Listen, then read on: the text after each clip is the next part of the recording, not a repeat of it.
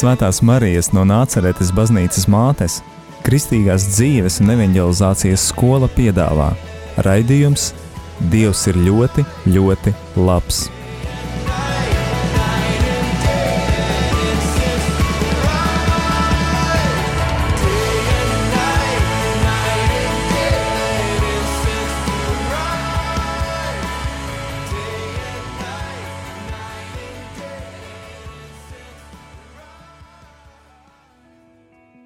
Esiet sveicināti, darbie radio Marija Latvijas klausītāji! Lai slavēts Jēzus Kristus! Ēterā raidījums Dievs ir ļoti, ļoti labs. Un šodien ar liecību padalīsies Jolanta. Jolantas liecība tiešām ir īpaša šajā adventas laikā. Viņa stāsta par savu pārdzimšanu Jēzū, par to, kā klusuma rekolekcijās, kurās viņa bija aglonā, Jēzus atklāja viņai kaut ko ļoti svarīgu, lielu brūci, bet tas, kā tā tika sadziedināta, tur atklājās Jēzus. Klausamies! Labvakar, cienījamie klausītāji! Es esmu Jolanta, um, esmu sieva, māte daudziem bērniņiem, kā jūs to pēc šīs liecības uzzināsiet, lai gan šobrīd ehm, šeit dzīve virs zemes aizved ar trījiem no viņiem.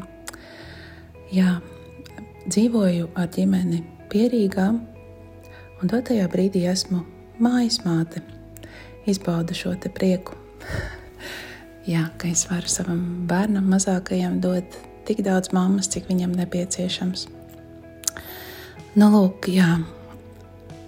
Šodien es vēlos dot liecību ne par to, kā es iepazinu Dievu pirmo reizi, jo šādu liecību es jau esmu devusi šajā raidījumā, bet uh, tas ceļš ar Dievu turpinās katru dienu, un liecību man ir daudz, jo Dievs patiešām ir dzīvs un brīnišķīgi darbojās manā dzīvēm bet šī ir eh, viena no tām liecībām, kas ir savā ziņā sāpīga, bet, bet milzīgu svētību man atnesusi. Tādēļ, jā, es vēlos ar to dalīties.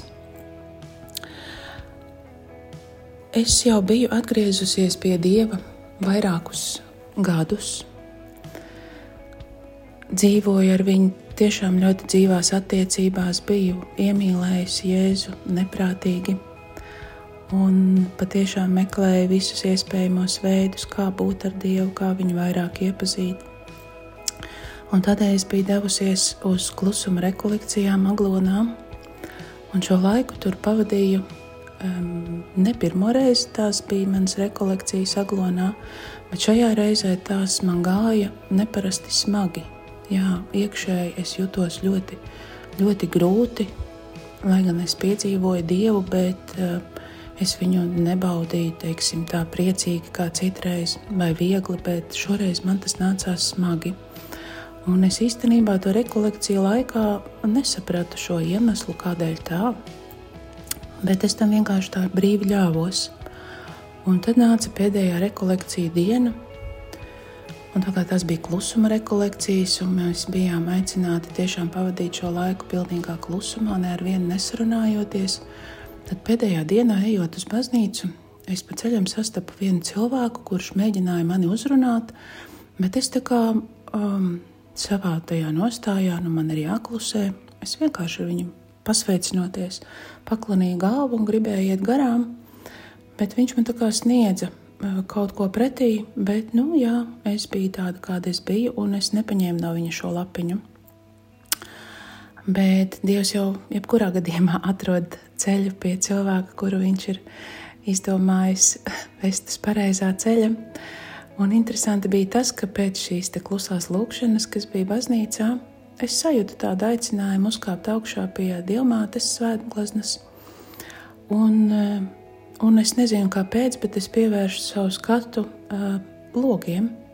Un uz palodzes pamanīju atstātas lapiņas, un es jau uzreiz sapratu, ka šīs lapiņas tur ir atstājis šis cilvēks, kuram es tā diezgan nevērīgi pagāju garām no rīta. Un es aizgāju un paņēmu vienu šo lapiņu un vienkārši salocīju viņu un ieliku savā bībelē. Jo es atkal jau negribēju šo klusumu iztraucēt, un domāju, es aizbraukšu mājās, un tad es viņu izlasīšu. Nu, lūk, un tā es arī devos mājās tajā dienā, šo lapiņu vienkārši vedot sev līdzi. Un arī tajā dienā, vakarā, es nepieķēros viņai klāt. Un tad nāca nakts, un naktī es pamodos mm, pilnīgā izmisumā no sapņa, kuru piedzīvoju, kuru es tikai vēlāk sapratu, ko šo sapni man bija dāvājis Dievs. Un sapnī es redzēju, ka es esmu uzkāpusi uz tādas kā nojumas, zem kuras apakšā spēlējās vairāki bērniņi, tā skaitā viens manējais. Un viņi tur priecīgi darbojās, un, un es uzkāpu uz šīs nojamas. Patiesībā es nezinu, ko es tur īsti darīju, bet no acīm redzot, kaut kāds nodoms tam bija. Un pēkšņi šī nojuma zem manas svara vienkārši sabruka, sabruka virsū šiem visiem bērniņiem. Un, uh, tas uh, izmisums manī bija ļoti liels to piedzīvojot šo sapni vien, jo tas bija tik dzīves, ka es momentā no tā pamodos. It kā pamodos, bet sapnis turpinājās. Jā, un es redzēju, es gāju vērot šo situāciju, kas tad ir noticis ar tiem bērniņiem, un ar visiem viss bija ļoti labi. Viss bija kārtībā, viņi varbūt nedaudz bija sasitušies, bet viņiem nekas nekaitēja, izņemot manējo bērniņu. Un no tā kā es viņu jau paceļot, es sapratu šai brīdī, ka viņš ir miris. Zem manas vara, zem šīs manas rīcības. Un es izmisīgi raudāju. Līdz brīdim, kad man Dievs deva sirdī gudrību, sākt tajā brīdī lūgties par, par bērniņiem, kur ir pakļauti abortu briesmām, kuru vecāki pieņem šo neapdomīgo soli. Un es sāku lūgties šai nodomā par nedzimušajiem bērniņiem, un man uzreiz kļuva viegli ap sirdi. Viss mans satraukums aizgāja, un es mierīgi iemigu atkal. Un tad nāca rīts, un es jau no paša rīta aizgāju, paņēmu savu bībeli un paņēmu šo lapiņu, kur es biju paņēmusi aglonā. Un atšķirot viņu vaļā, es pēkšņi lasu, ka tas ir uzruna par, par abortiem. Un tajā brīdī man saslēdzās daudzas lietas kopā. Lai gan es zināju, ka es nekad apzināti neesmu veikusi abortu, Tomēr kaut kas caur, caur šo, mm, caur šo rakstīto uz mani ļoti runāja. Un sākumā es tikai saskatīju, uzreiz es zināju, kuram cilvēkam būtu jānodod šī lapiņa, kamēr es vēl to nebiju līdz beigām izlasījusi. Bet es tajā neredzēju līdz galam sevi. Līdz brīdim, kad es sāku lasīt par spirāli, kuru man arī nekad neviens dzīvē nebija teicis, ka tas ir abortīvs līdzeklis. Ne man to teica doktori, nekur citur es šādu informāciju saņēmu. Senāk es to biju uzskatījis kā vienkārši kāds no kontracepcijas līdzekļiem. Un tajā laikā, kad es vēl nedzīvoju ar Dievu, kad es nebiju atklājis Dievu, es biju lietojis šo līdzekli. Lai gan jau kādu laiku viņš vairs nebija manās miesās, bet eh, jā, jo brīdī, tad, kad mēs atgriezāmies pie Dieva, šo informāciju es saņēmu par kontracepciju, ka tas nav Dieva gribēts un nav Dieva vēlams. Es biju atbrīvojusies no, no viņas, Bet es nekad nebiju apzinājusies to, ka šis ir abortīvs līdzeklis. Un tajā mirklī man bija vienkārši pilnīgi skaidrs, tā bija balss manā sirdī no dieva, ka es ar to esmu nogalinājusi. Vismaz kādu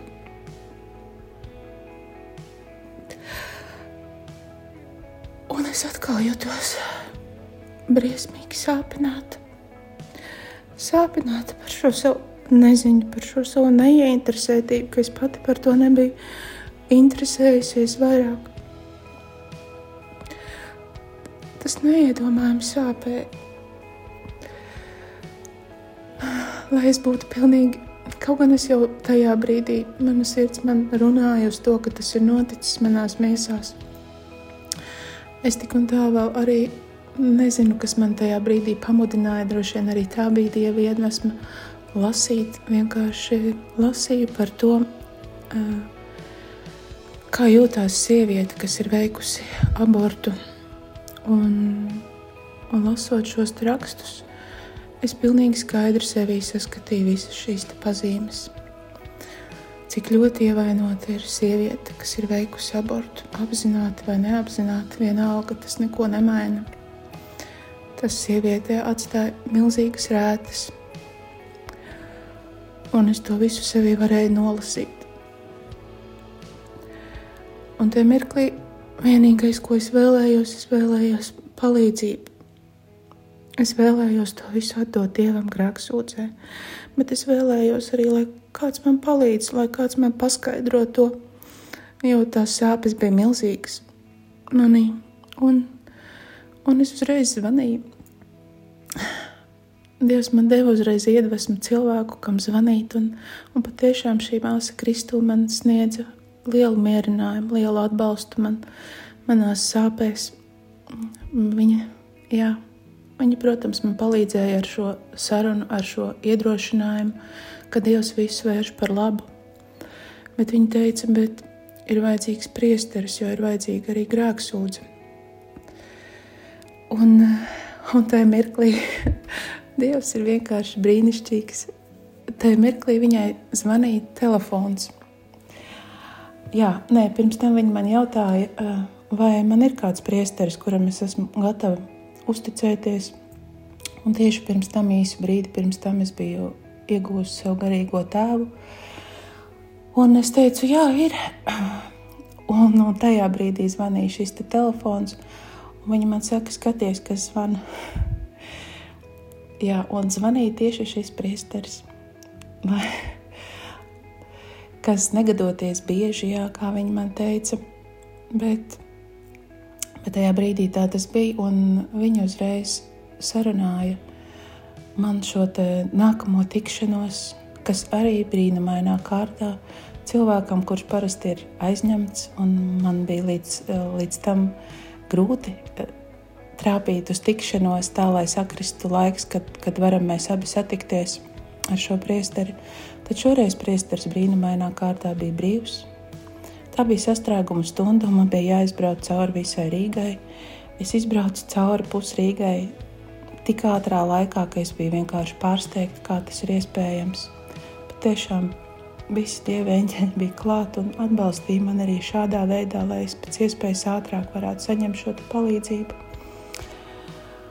Un es viņu saņēmu.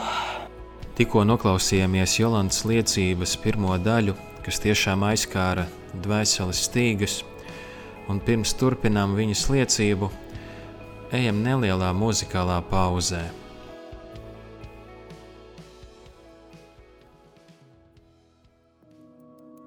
Mazgāti mēs jārā asinīs, nokauts kurš tāpa mūsu grēku dēļ. Viņā mēs esam dzīvi darīti katrs, kurš pieņēmis viņa upuri. Mazgāti mēs jārā asinīs, nokauts, kurš tapa mūsu grēku dēļ. Viņā mēs esam dzīvi darīti,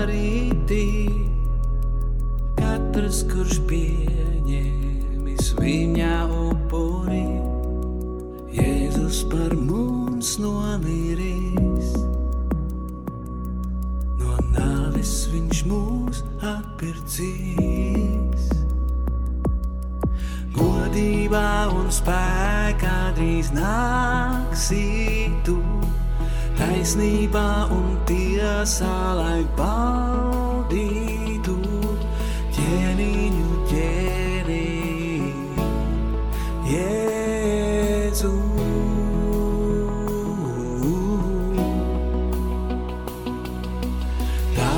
priekšā katra celt zemosies, svētie tevi teiks un gāvīlēs mūžīgi mūžos.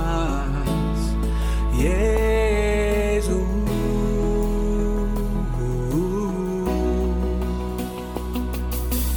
Nododam tev savas sirdīs mēs, esam mēs tādi, vairs nepiedaram sev. Mūžīgi tronis tavs pastāvēs, spēks, gods un vara tev vienam piederēs. Tu Jēzu par mums nomirīji, no nāves tu mūs atpirkīji. Godībā un spēkā drīz nāksi tu, taisnībā un tiesā, lai valdītu ķēniņu ķēnī. Jēzu.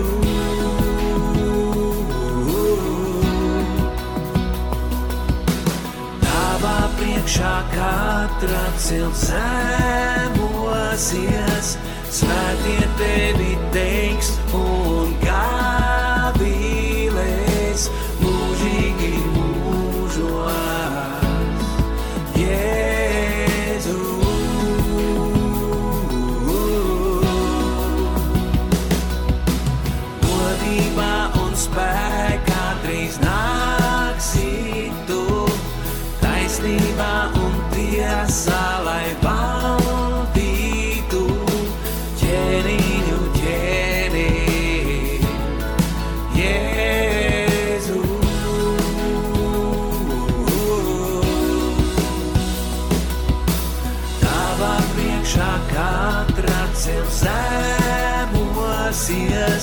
zemosies, svētie tevi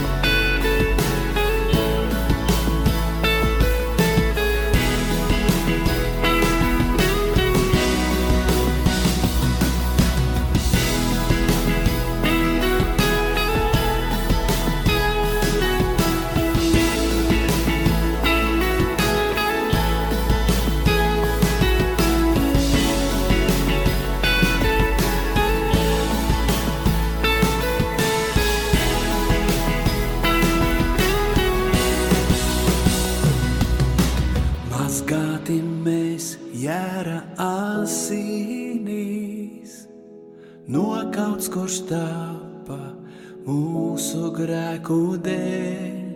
Viņā mēs esam dzīvi darīti, katrs, kurš pieņēmis viņa upurī.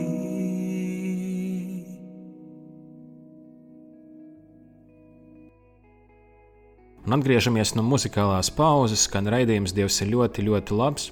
Šodien ar jums esmu es, Jevģīnijas, un ar savu liecību dalās Jolanta. Liecība tiešām ir ļoti spēcīga, un klausamies tās otro daļu.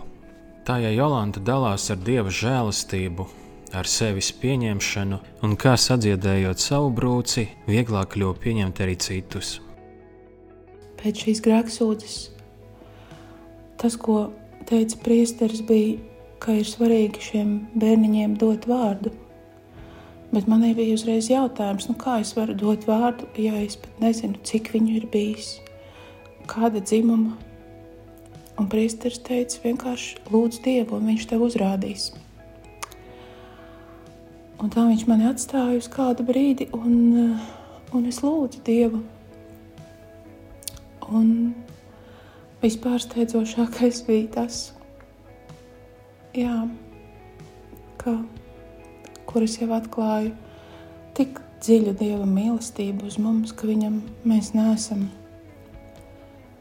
kaut kādas vienkārši personas, kārtējais cilvēks, bet viņš mūs patiešām katru sauc savā vārdā. Jo Dievs man neteica skaitu vai dzimumu. Dievs vienkārši nosauca katru vārdā. Katru no šiem bērniņiem viņš nosauca vārdā.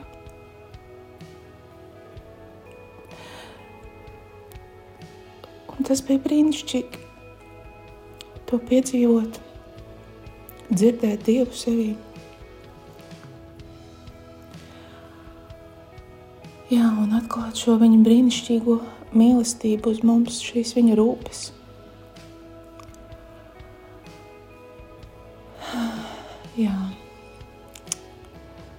Lūk, bet ar to tas stāsts vēl nebeidzās. Dievs deva vēl vairāk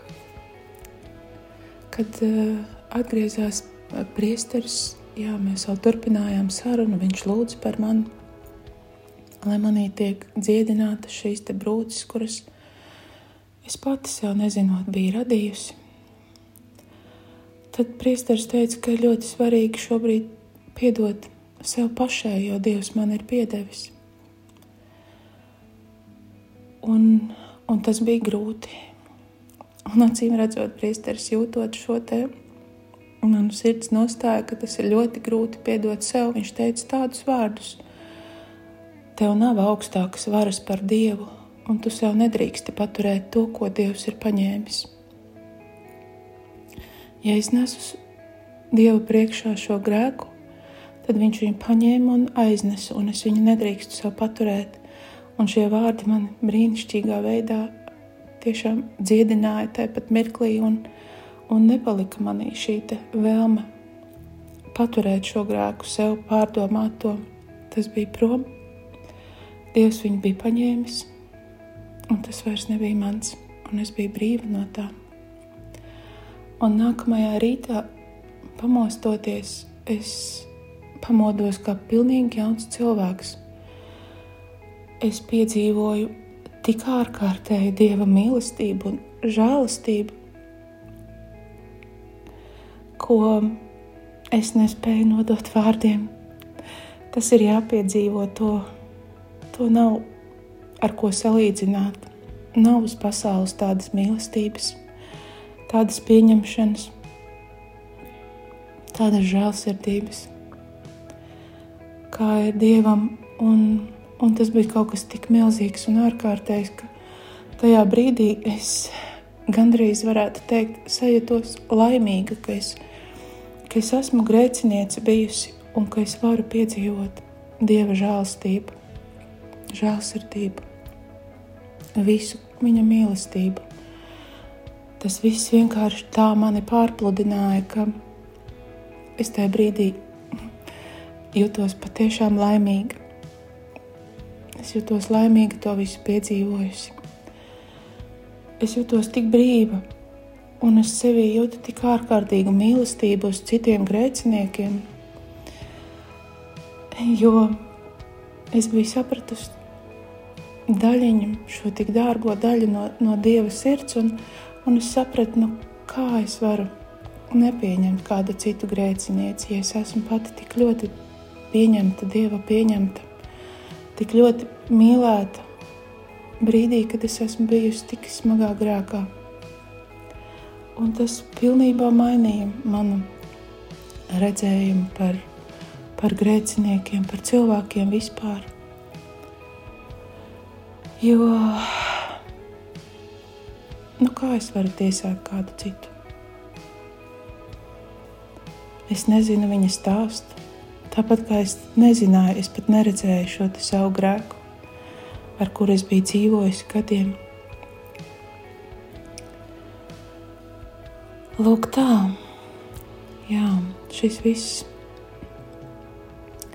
sāpīgais, izdzīvotais, beigu beigās ir pārvērties milzīgā iegūmā, ļoti lielā priekā. Jo šobrīd es varu lūdzot, iesaistīt savā lūkšanā arī šos bērniņus, kas ir debesīs, mani eņģelīši. Un, jā, un kopā mēs lūdzam par, par visu mūsu ģimeni, par katra mūsu ceļu pie Dieva. Un tas ir skaisti. Jā, lūk, tik brīnišķīgs ir Dievs, tik dažādos veidos Viņš runāja ar mani šai, šai vienā situācijā bet cik vēl daudz dažādos veidos viņš runā ar mani manā ikdienā šobrīd. Jā. Paldies! Un šīs spēcīgās liecības noslēgumā gribas pateikt, ka Dieva žēlastība ir neizmērojama. Un es domāju, ik viens var pārdomāt šo liecību Ik viens var tajā saredzēt kaut ko savu, vai nu ir gadījies pieskarties un būt, diemžēl, šādā situācijā, tā lai jums tā nāk par padomu, un, ja nē, tad uh, par to, kā Dievs var strādāt. Un es domāju, ka ir vērts tiešām katram arī, kas to vēlas aizlūgt par Jolantu, lai Dievs turpina viņu dziedināt, Savukārt jums, klausītāji, atgādinu, ka arī jūs varat dalīties ar savu liecību raidījumā, droši sazinieties ar mums, raidījuma radošo komandu, caur Radio Mariju, vai arī sazinieties ar atbildīgo priesteri Arni Mazeļevski. Lai Dievs jūs svētī, lai Jēzus jūsos piedzimst un sadziedina jūsu slēptākās brūces, lai šīs gaidīšanas laiks pirms Ziemassvētkiem nav tāds, kurās mēs tās notrulinām, bet kad ļaujam tas sāpes izdzīvot un pārdzīstam no jauna Kristu, lai jūs Dievs sargā un svētī, jo Viņš ir ļoti, ļoti labs.